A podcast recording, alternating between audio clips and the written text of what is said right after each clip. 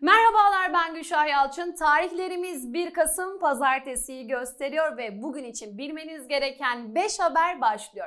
İlk haberimiz Facebook CEO'su gerçekleştirdiği toplantıda artık şirket adının Meta olduğunu ve şirket olarak sanal bir ortam olan Metaverse'ü oluşturmaya odaklandıklarını açıkladı.